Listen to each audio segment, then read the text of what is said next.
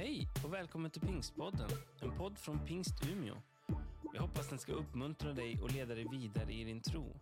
För att få mer information om Pingst Umeå och allt som händer i kyrkan, gå in på umia.pingst.se eller följ oss på Instagram och Facebook, at pingstumia.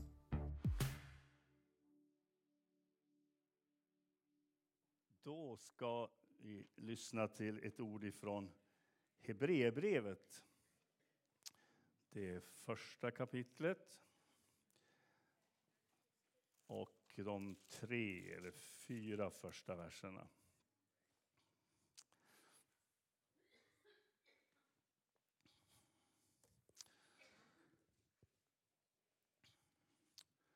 Och det handlar om att Gud eh, talar och har talat på olika sätt. Hebreerbrevet kapitel 1. Sedan Gud i forna tider många gånger och på många sätt har talat till fäderna genom profeterna har han nu i den sista tiden talat till oss genom sin son. Honom har han insatt till att ärva allting och genom honom har han också skapat världen. Sonen utstrålar Guds härlighet och uppenbarar hans väsen och uppehåller allt genom sitt mäktiga ord. Och sedan han utfört en rening från synderna sitter han nu på majestätets högra sida i höjden. Sonen är så mycket större än änglarna som det namn han har ärvt är för mer än deras.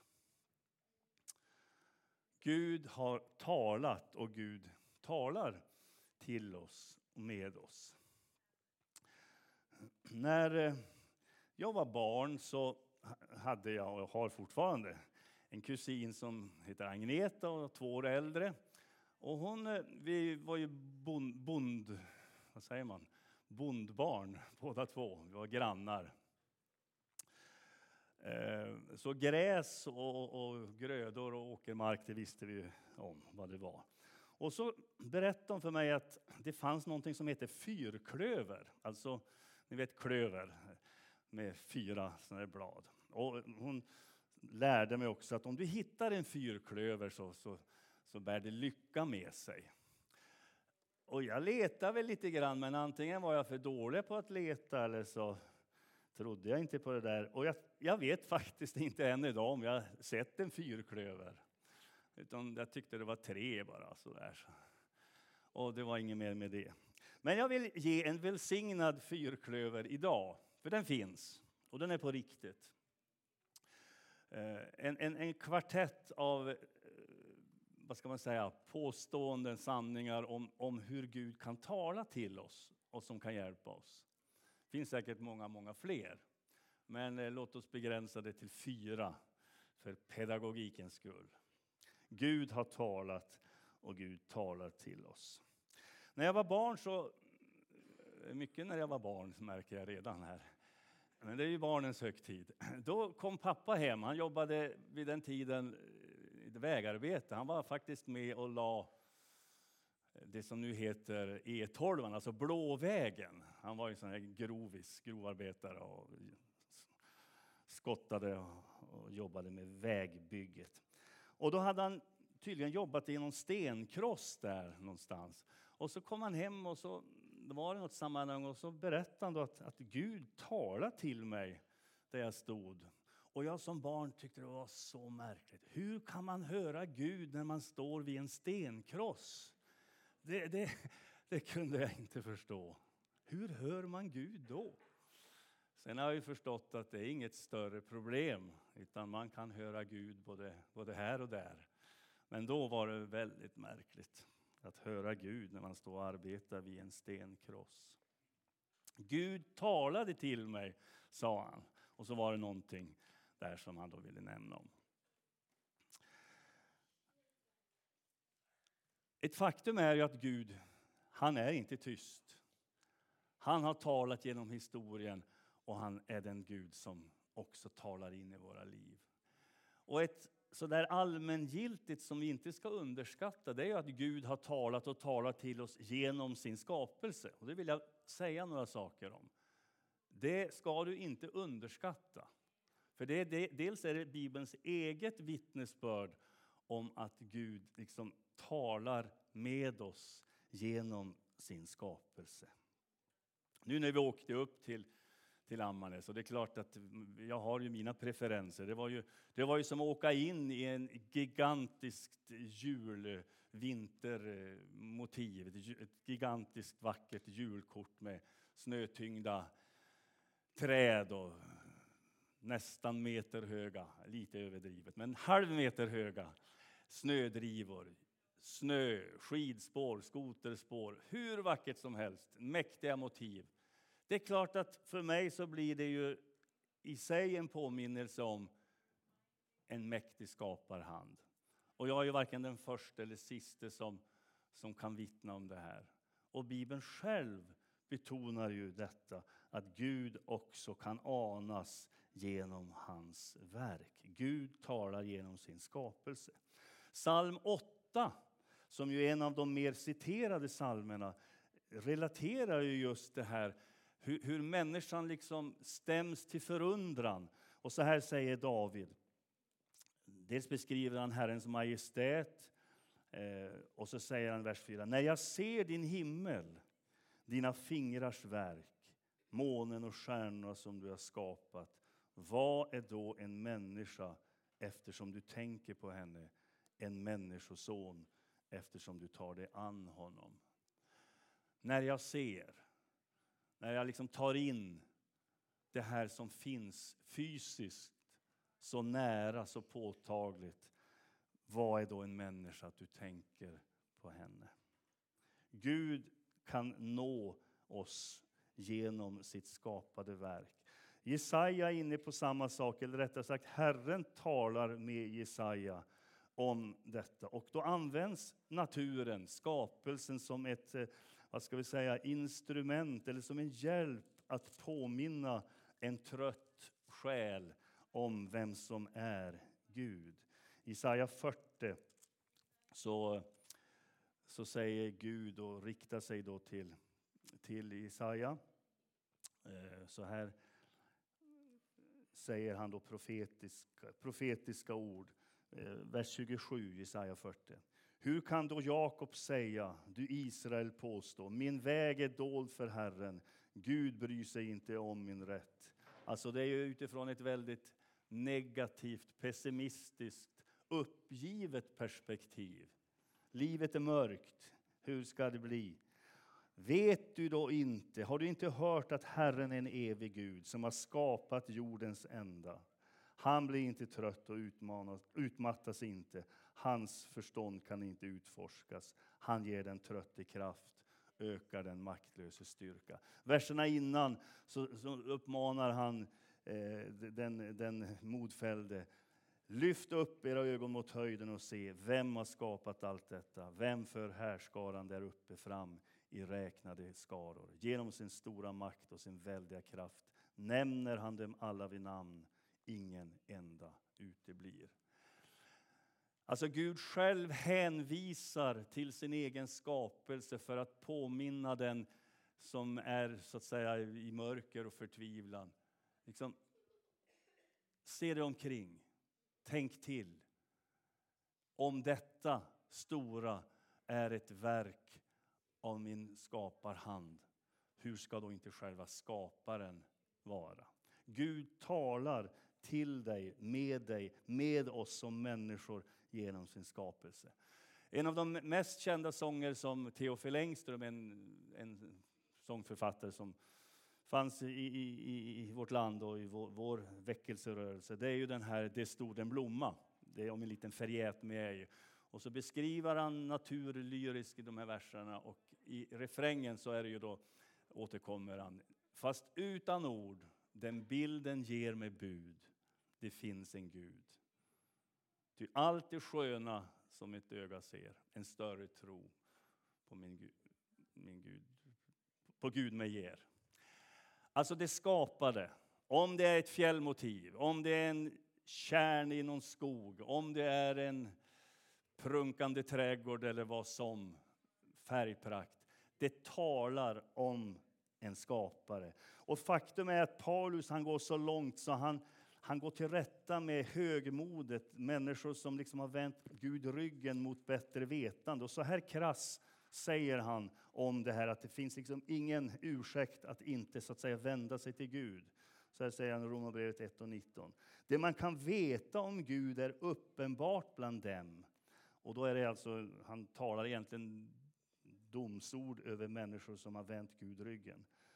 Gud har ju uppenbarat det för dem. Ända från världens skapelse eh, ses och uppfattas hans osynliga egenskaper, hans eviga makt och gudomliga natur genom det verk som han har skapat. Därför är det utan ursäkt. Gud har talat och talat genom sin egen skapelse. Så har vi det här märkliga som väl ingen riktigt kan beskriva exakt vad det är. Vi kallar det för samvete. Vi tror att varje människa har ett samvete. Var det sitter exakt är svårt att säga. Och hur det ser ut tror jag är ännu svårare att säga. Men vi tror att det finns. Det är lite grann som Gud. Han finns fast han inte syns sådär. Eh, ja. Eh, Bibeln talar om samvetet.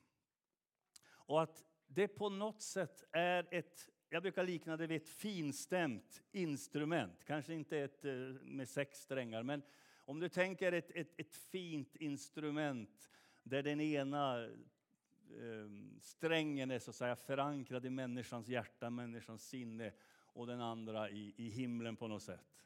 Och beroende på om vi vårdar instrumentet, alltså vårdar det goda, rena samvetet, så kan det få bli liksom någonting som Gud slår an i våra liv, som hjälper oss i rätt riktning. Det är inte alltid samma sak som Guds röst eller Guds vilja, men Bibeln ger ändå en ganska god antydan om att det är något som Gud har lagt ner i människan som en hjälp, som en vägledning. Därför talar Bibeln om människor med bortbränt samvete. Och det är ju någonting förfärligt. Paulus beskriver det här i Andra Timoteusbrevet om villoläror, alltså förkunnelse där man eh, såg skapelsen som ond och därför så var det en massa bud och förbud om vad man skulle och inte. Alltså kroppen och det, skapade var någonting fult. Man brukar kalla den här läran för, eller villoläran för gnosticism. Och då säger han att de som för ut den här läraren och liksom sprider en falsk bild av Gud och skapelsen och människan, det är människor med bortbränt samvete. Alltså det är någonting som har gått, blivit förstört inombords. Vi har ett samvete. Vi ska vara rädda om det. Paulus säger också i Romarbrevet 2 att hedningarna som är utan lag, alltså judarna, Gud valde ju ett folk för sådär drygt 3000 år sedan och genom det folket så fick vi lagen. Men han säger att hedningarna, alltså alla andra, har lagen i sina hjärtan på något sätt och gör av naturen det som är rätt eller fel. Alltså det finns någonting inbyggt. De flesta människor tror av naturen och tycker av naturen att det är fel att slå ihjäl en, en, en annan. Det, så är det ju bara. Eller eh, vi reagerar med rätta eh, när ett barn blir utsatt eh, för, för något, våld eller människor blir utsatta för övergrepp. Vi behöver, alltså det finns någonting i människan som, som reagerar. Bibeln talar om ett samvete, någon slags vetskap liksom tillsammans. Vi vet liksom med Gud på något sätt vad som är rätt och fel. Det finns någonting inbyggt. Det berättas ju om Tage G Petersson. Han var minister i ja, han var redan på Palmes tid. Han var industriminister, han var allt möjligt. Jag tror han lever fortfarande. Hans mamma lär ha sagt, han var en så kallad gråsosse, alltså den här gamla stammen av socialdemokrater, gråsossar brukar man säga. Hans mamma lär ha sagt till honom, kom ihåg Tage, det goda samvetet är den bästa huvudkudden. Jag vet inte hur väl han förvaltade det rådet. Men det var ett väldigt bra råd. Och det kan vi väl säga att om alla politiker och alla i ansvarsställning skulle vårda och förvalta och vara rädd om det goda, rena samvetet, då skulle tillvaron ser bra mycket annorlunda ut på många sätt. Gud har talat och till vår hjälp gett oss något för att vi ska komma rätt. Var rädd om ditt goda samvete. Se till att det inte blir förbränt. Då är, du, då är vi illa ute. Jag sa ju lite grann om lagen och det är klart, det går inte att komma förbi det. När Gud valde ett folk av en outgrundlig anledning, judafolket, Israels barn, och gav dem lagen. Och sen talar ju Bibeln om lagen och profeterna, alltså profeterna som hade till uppgift att förkunna lagen och hjälpa människor att hålla sig till lagen och ha kunskap om lagen. Alltså lagen som bokstavligt talat utmejslades. Och det var goda bud. Vi skämtar ju om att det var hårda bud. Och så, ja, ni vet. Men ett faktum är att Bibeln säger att det var Guds goda bud. Det var en god lag. Fantastiskt god lag. Genial i sin enkelhet och sin koncentration.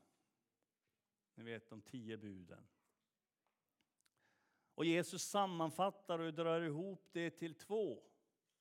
Du ska älska Herren din Gud, du ska älska din nästa som dig själv.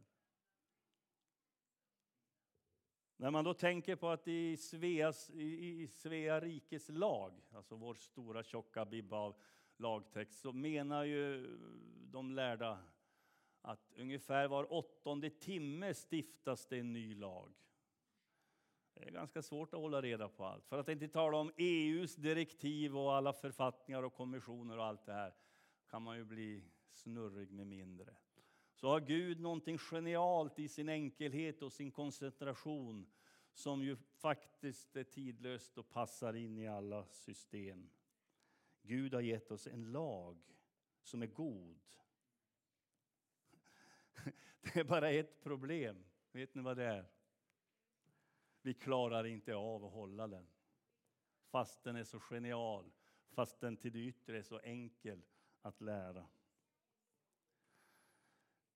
Lagen är ungefär som en spegel. Ni vet om du har jobbat hårt, kanske med jorden, så har det regnat lite och du har jobbat och svettats och det har skvätt lite jord och smuts och så tittar du i spegeln på kvällen när du kommer in och du, du är inte så där grann som, som du var när du klev upp.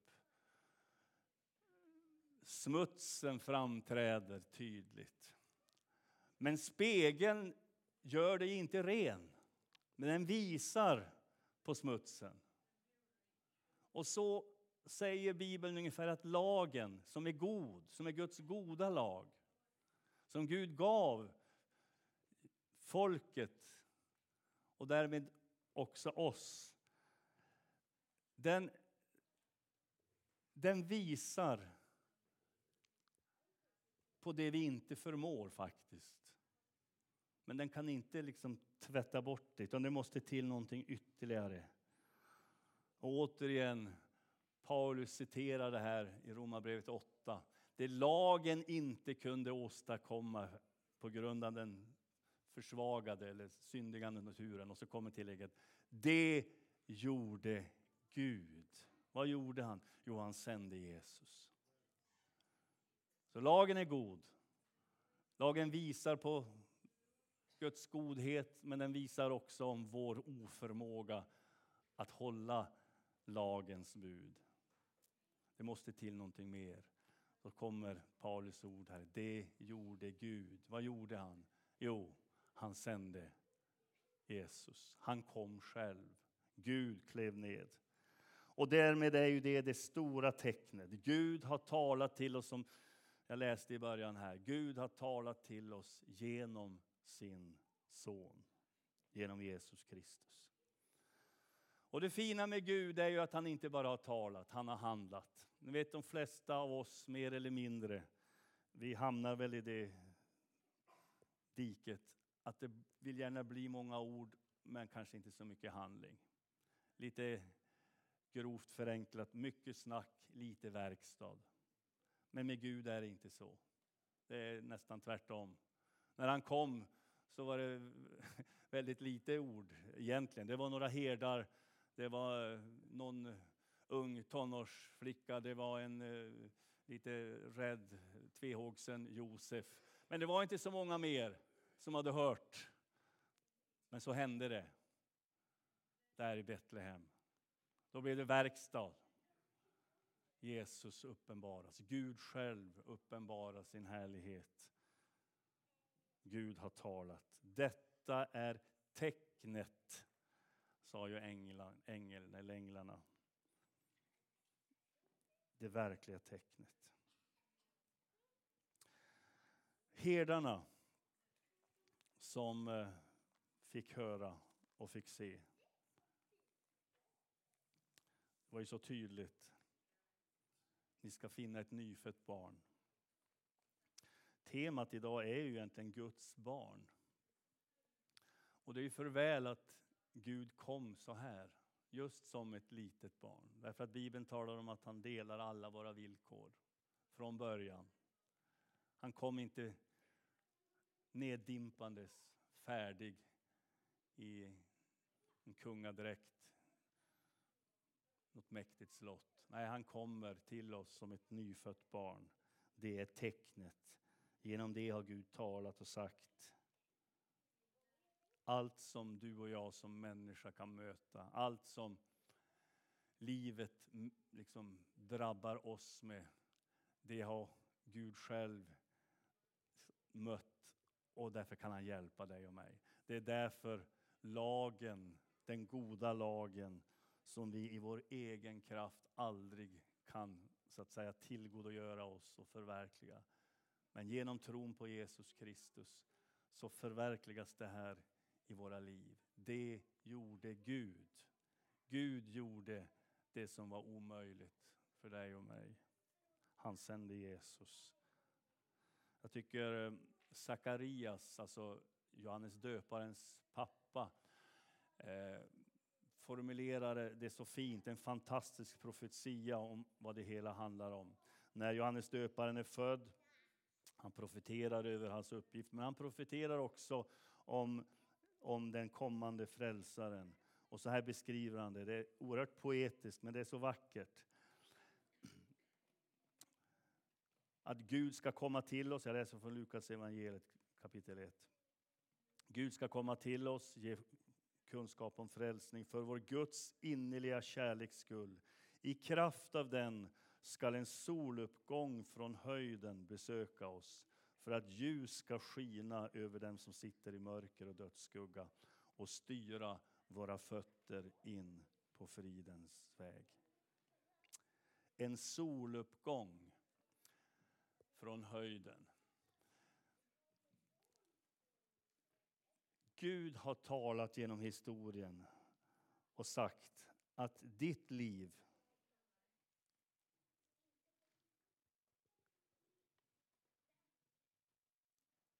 ditt liv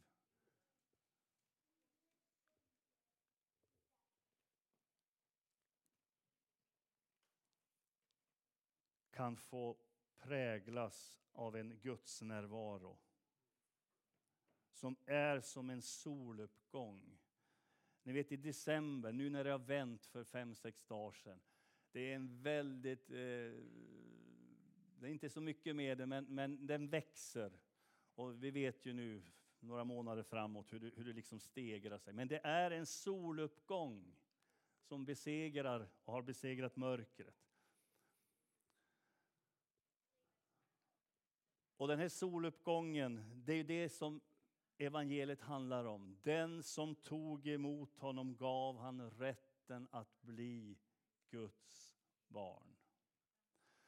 Gud själv föds som ett litet barn där i Betlehem och det är himla ljus och härlighet mitt i mörkret. Men att få ta till sig samma, att samma verklighet också kan bli din du kan också få bli och vara Guds barn. Det är som en soluppgång över ditt liv. En soluppgång som inget mörker kan besegra. Herdarna, tänk om vi skulle ta dem som exempel här. De går för att se, de går för att ta del. Låt oss gå för att se det som Herren har låtit oss, låtit oss veta. Låt oss liksom ta emot det som Gud har talat till oss om. Det här är det tecken du behöver. Vi behöver egentligen inget annat tecken, för det är det starkaste Guds beviset. Guds kärlek uppenbarad i Jesus Kristus. Han som kom som ett nyfött barn, växte, tog del av allt av det mänskliga livets innehåll. Och så är det för dig också. Du kan få ta honom till ditt liv, till ditt hjärta och uppleva att det finns en närvaro. Gud talar in i ditt liv. Att bli och vara Guds barn har ju människor kämpat med till och från. Är jag verkligen ett Guds barn? Hur ska jag vara viss om att vara ett Guds barn?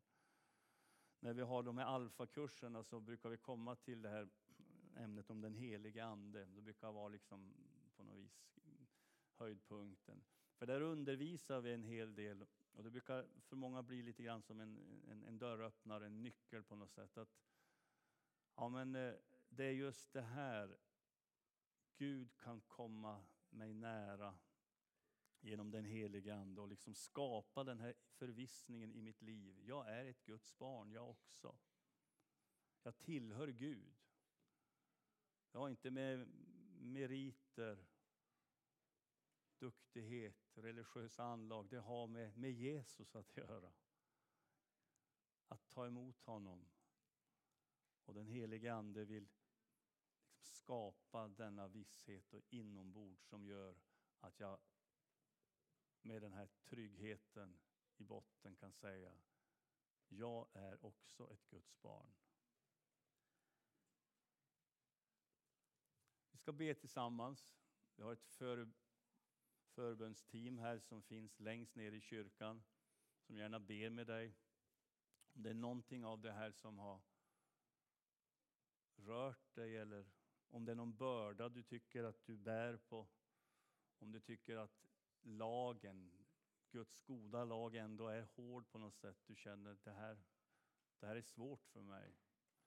Så är det väldigt gott att få, få dela och få hjälp i bön.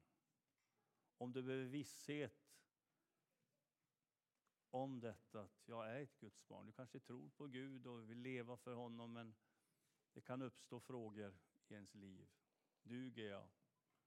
Hör jag hör jag till den här skaran